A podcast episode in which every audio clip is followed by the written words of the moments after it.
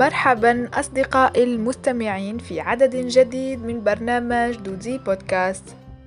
اليوم سيدور موضوعنا حول كائن يضرب المثل به في البطء يحتمي داخل قوقعة كما يصنف مع الزواحف. ما هو يا ترى؟ سنكتشف ذلك بعد قليل ابقوا معنا.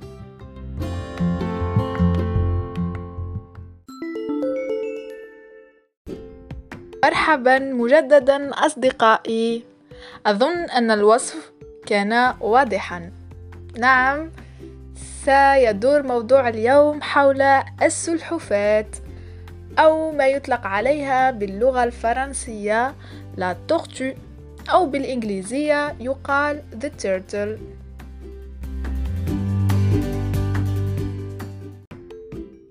سنقسم عدد اليوم أصدقائي إلى ستة أقسام وستكون مرتبة كالآتي تاريخ السلحفاة وأنواعها. مكانة السلحفاة في الأساطير القديمة. أيضا أهم مميزات شكل السلحفاة. أهم مميزات سلوك السلحفاة. أهم أسباب ندرة السلاحف البحرية. وأخيرا نصائح للاعتناء بالسلحفات ابقوا معنا.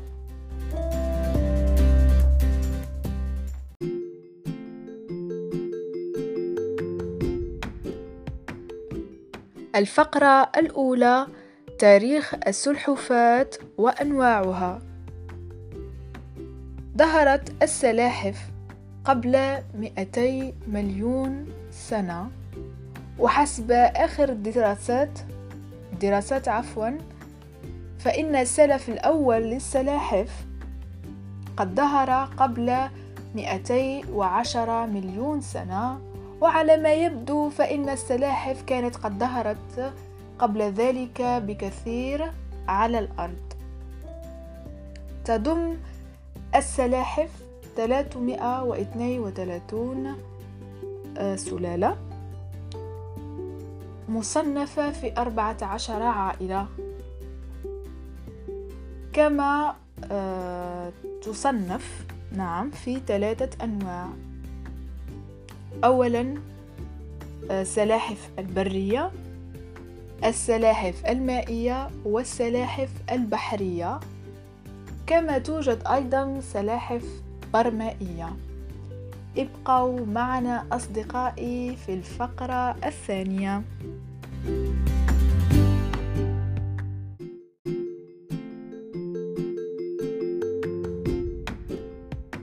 الفقرة الثانية مكانة السلحفاة في الأساطير القديمة. نبدأ قصتنا من العالم القديم وتحديدا مصر القديمة. حيث تعتبر إحدى أقدم النصوص الجنائزية في مصر القديمة التي تعود إلى المملكة الوسطى. هذا النص يخص الإله رع ويبين ويبين عفوا اشمئزازه للسلحفاة حيث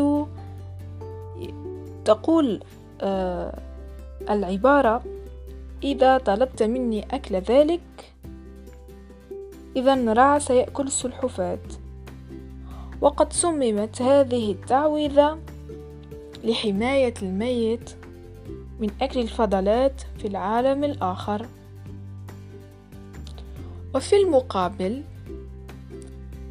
كانت السلحفاة تظهر بشكل كبير في الفن المصري القديم كما كانت لها استعمالات طبية عديدة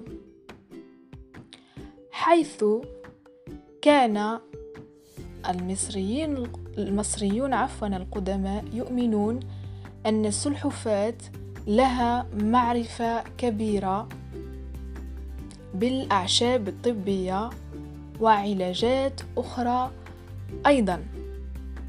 وذلك بعد طبعا ملاحظتهم لها ولسلوكها.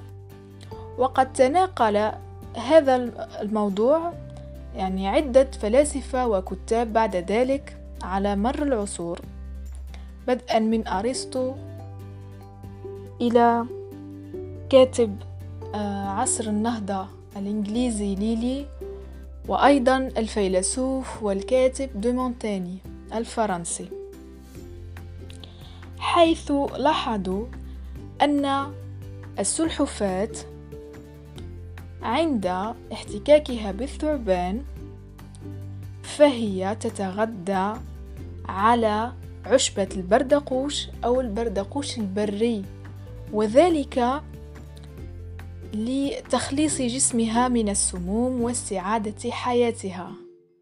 وبذلك نستطيع القول أن السلحفاة لها مكانة مرموقة جدا في العلوم الطبية.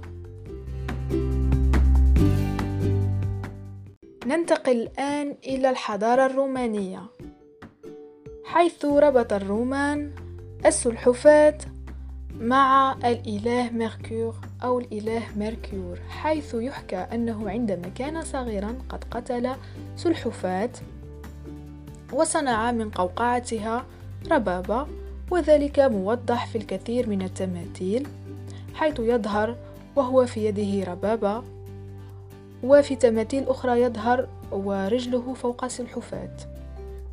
كما يصف الكتاب اللاتينيين كل الأشياء المصنوعة من قوقعة سلحفاة كأنها أشياء آه، لها علامات الرفاهية والتباهي والتفاخر.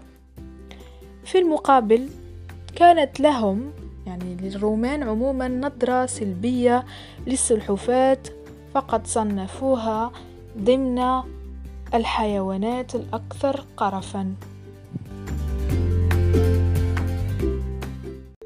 كانت للسلحفاة مكانة كبيرة أيضا في الديانات القديمة. فمثلا في الديانة الهندوسية يحكى أن الإله فيشنو نزل على الأرض في شكل سلحفاة لمساعدة باقي الآلهة في خوض رحلتهم للبحث عن رحيق الخلود. كانت قبائل هندية في أمريكا الشمالية تؤمن أن الأرض تستند على ظهر سلحفاة ضخمة. أما في الصين فكانوا يقدسون السلحفاة ويعتبرونها رمز العمر الطويل. أما سكان بورما ففي القديم كانوا يؤلهون السلحفاة ويضعونها في أحواض في المعابد ويقد يقدمون لها طعاما مميزا. ابقوا معنا أصدقائي في الفقرة الثالثة.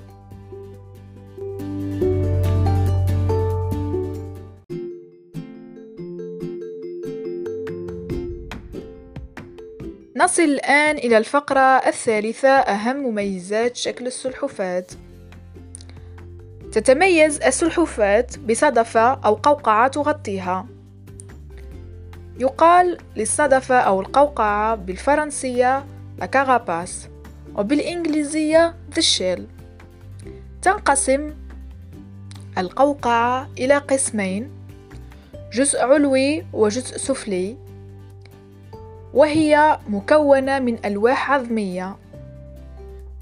بالنسبة للجزء العلوي فتكون مزودة بحراشيف قرنية. والحراشيف القرنية لها نفس آه، طبيعة وملمس الأظافر. كما تزود القوقعة صلابة وقوة. لا تمتلك السلحفاة أسنان. ولكن في المقابل تمتلك فم يشبه المنقار في حدته ويساعدها على تقطيع الطعام. أيضا آه، تتميز بلسان عضلاته قوية جدا وتنتج آه، لعاب بكمية كبيرة وذلك يعني لوجود غدد لعابية بشكل كبير. فيساعدها ذلك في يعني في تدويب الطعام وتسهيل عملية الهضم بعد ذلك. بالنسبة للسلحفاة الصغيرة قبل خروجها من البيضة تكون لها زائدة في فمها تشبه السن وتساعدها على كسر البيضة والخروج منها. ولكن بعد ذلك يندثر السن. عندما تبلغ عمرا أكبر. في بعض الحالات آه، هذا السن لا يندثر ويصعب يعني عملية آه، تقطيع الطعام. فيلجأ المربين للتخلص منه منه عفوا. وطبعا وذلك لتسهيل عملية الهضم وتقطيع الأكل للسلحفاة.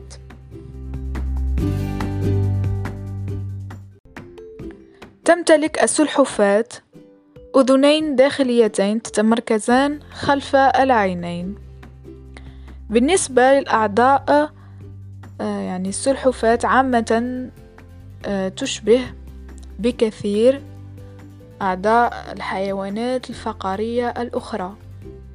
بالنسبة لجهازها التنفسي فهو من بين آه، يعني الأكثر تطورا بالنسبة للزواحف.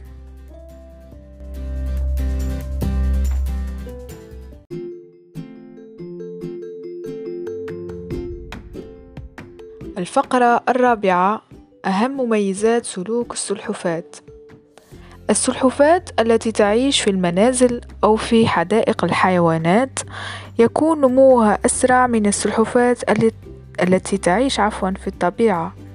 وذلك لأن السلحفاة الأولى أي التي تعيش في المنازل ليس عليها البحث عن الطعام فهو يقدم لها بشكل دائم بالإضافة إلى أن الغذاء المقدم لها من طرف مربيها يكون غني جدا من بالبروتين عفوا ونموها السريع للأسف قد يكون له عواقب وخيمة جدا على صحتها ويمكن أن يؤدي إلى موتها.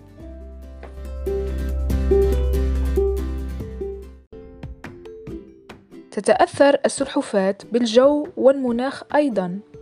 فمثلا هنالك سلالة سلحفاة برية تسمى غوفيروس بوليفيموس أقيمت عليها دراسات في ولايات عديدة بأمريكا.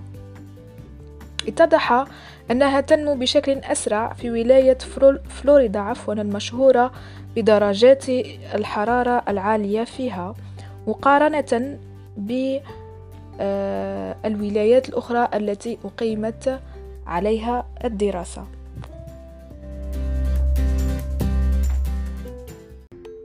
وحسب نفس الدراسة آه، فتكون الأشجار العالية عائقًا للسلحفاة التي تعيش في البرية وذلك لأنها تشكل عفوا عائقا لوصول الشمس للغطاء النباتي الصغير فيقل نموه وبالتالي آه، لا تجد سلحفاة على ما تقتات فيقل نموها أيضا.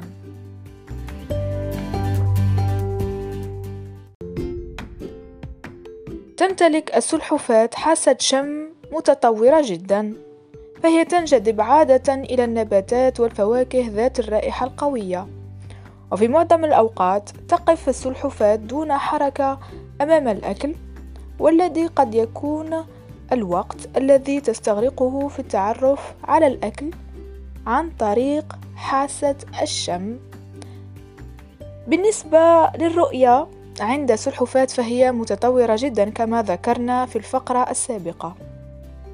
فحسب دراسات على سلاحف لاحظ الباحثون أن السلاحف ينجذبون إلى الأكل آه عفوا إلى الثمرات ذات اللون الأحمر والبرتقالي والأصفر. فمثلا عند آه دراسة سلالة الهيرماني وضعوا أمامها خمسة أقراص ملونة. آه، قرص بالأحمر والثاني بالأصفر وآخر بنفسجي أزرق وأبيض. لاحظوا أنها تنجذب للأقراص عفوا كما في الطبيعة تماما. وكانت تتجه للون الأحمر والأصفر أكثر من البنفسجي والبنفسجي أكثر من الأزرق والأبيض. وهنا استنتج العلماء أن اللون وحده قادر على جذب السلحفاة للأكل حتى في غياب الرائحة. وعند وضع أزهار بألوان مختلفة كانت السلحفاة تنجذب للون الأصفر أكثر من الألوان الأخرى. وحتى الأحمر. ويشرح الباحثون ذلك بأن الزهرة الحمراء قد تضم مواد سامة. لهذا يرجحون أن السلاحف آه، استعانوا بحاسة الشم لتفادي الأكل السام. لاحظ باحثون سلوكات غريبة قليلا على السلحفات كأكل حبيبات الرمل الحجارة أو حتى أجزاء عظام وذلك عند السلاحف التي تعيش في البرية أو حتى في المنازل ويفسرون ذلك أن السلحفات عندما آه، يكون آه، لها احتياج في الكالسيوم فهي تلجأ لهذه الطريقة. بالنسبة لشرب الماء في الحياة البرية السلحفاة لا تشرب كثيرا ولكنها تستفيد من المياه الموجودة في الأكل والنباتات والفواكه.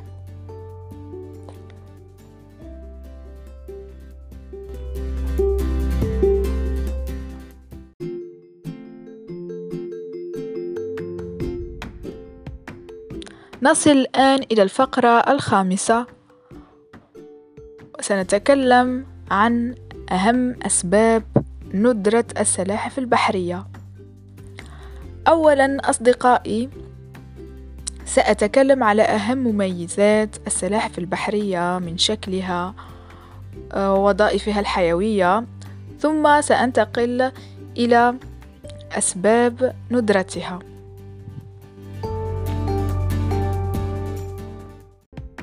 هناك سبع سلالات معروفة للسلاحف البحرية. يتباين طولها بين الخمسون سنتيمتر حتى واحد متر بالنسبة لطبيعة جسمها فالسلاحف البحرية لا تتمكن من التحكم في درجة حرارة جسمها وتعتمد على درجة حرارة المكان الذي توجد فيه. ذلك فهي معرضة أكثر لخطر التغير المناخي. تبقى الرئتان عند السلاحف البحرية مليئة بالأكسجين في حالة الراحة. وعندما تغوص في أعماق البحار أين توجد عفوا توجد كمية كبيرة من ثاني أكسيد الكربون؟ تستعمل ذلك الأكسجين في عملية الغوص.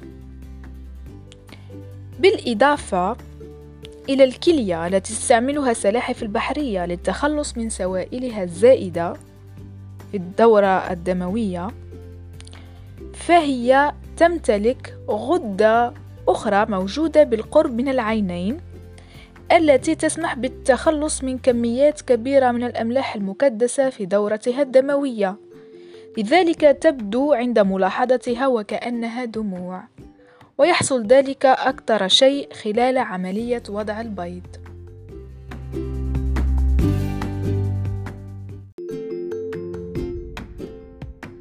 ننتقل الآن إلى أهم أسباب ندرة السلاحف البحرية.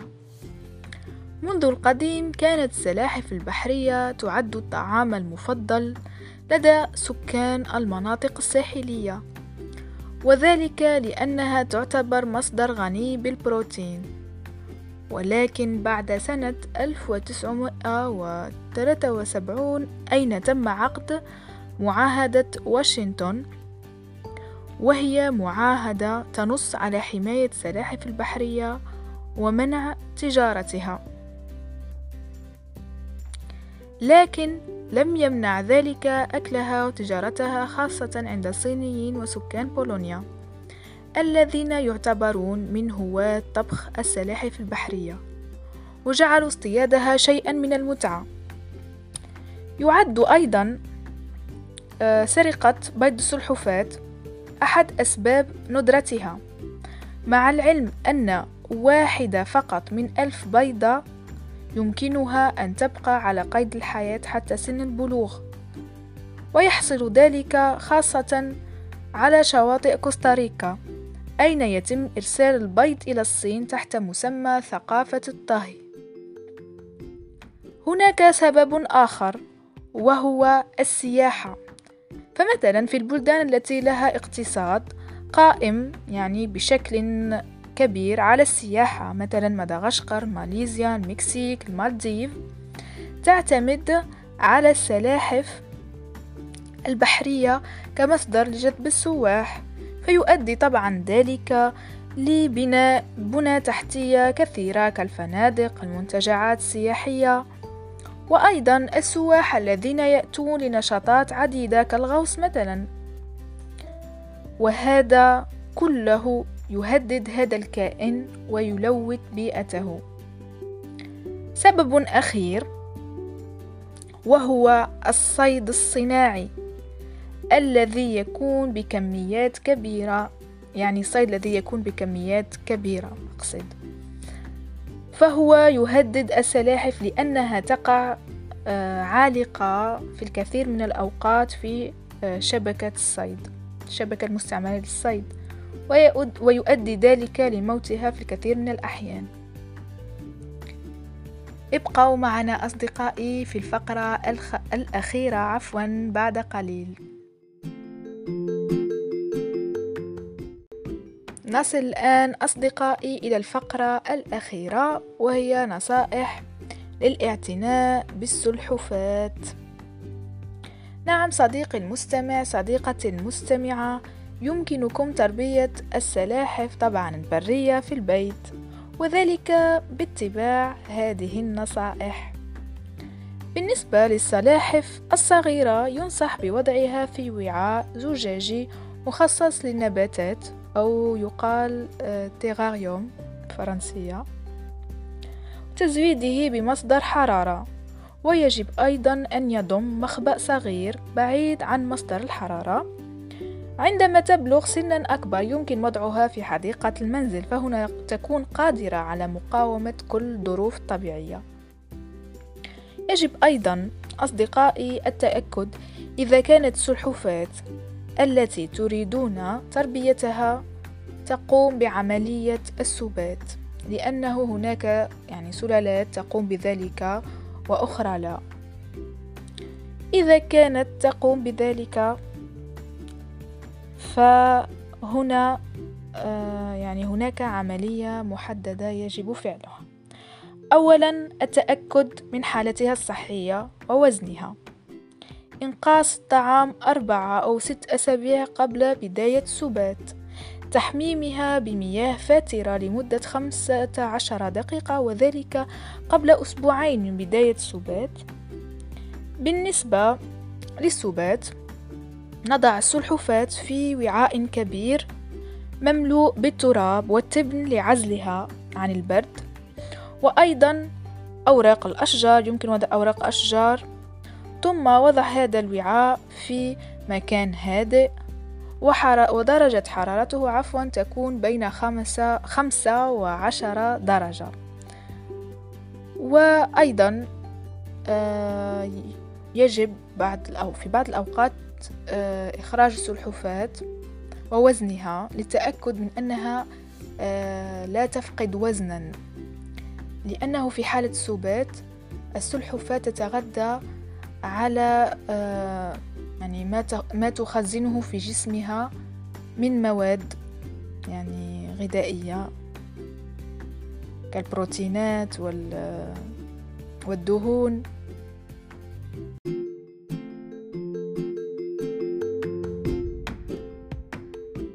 عند اعتدال الجو يمكن إخراج السلحفاة تدريجيا وتعريضها للضوء عندما تنهض من سباتها آه، يجب تحميمها بماء فاتر لإخراج السموم من جسمها وترطيبها. أيضا أصدقاء يجب في الأيام العادية توفير المياه الصالحة للشرب للسلحفاة لأننا آه، ذكرنا في السابق أن السلحفاة في الطبيعة لا تشرب المياه. فهي تتغذى يعني تستمد آه، المياه من الفواكه أو النباتات التي تأكلها. لذلك يجب في المنزل توفير هذا الاحتياج.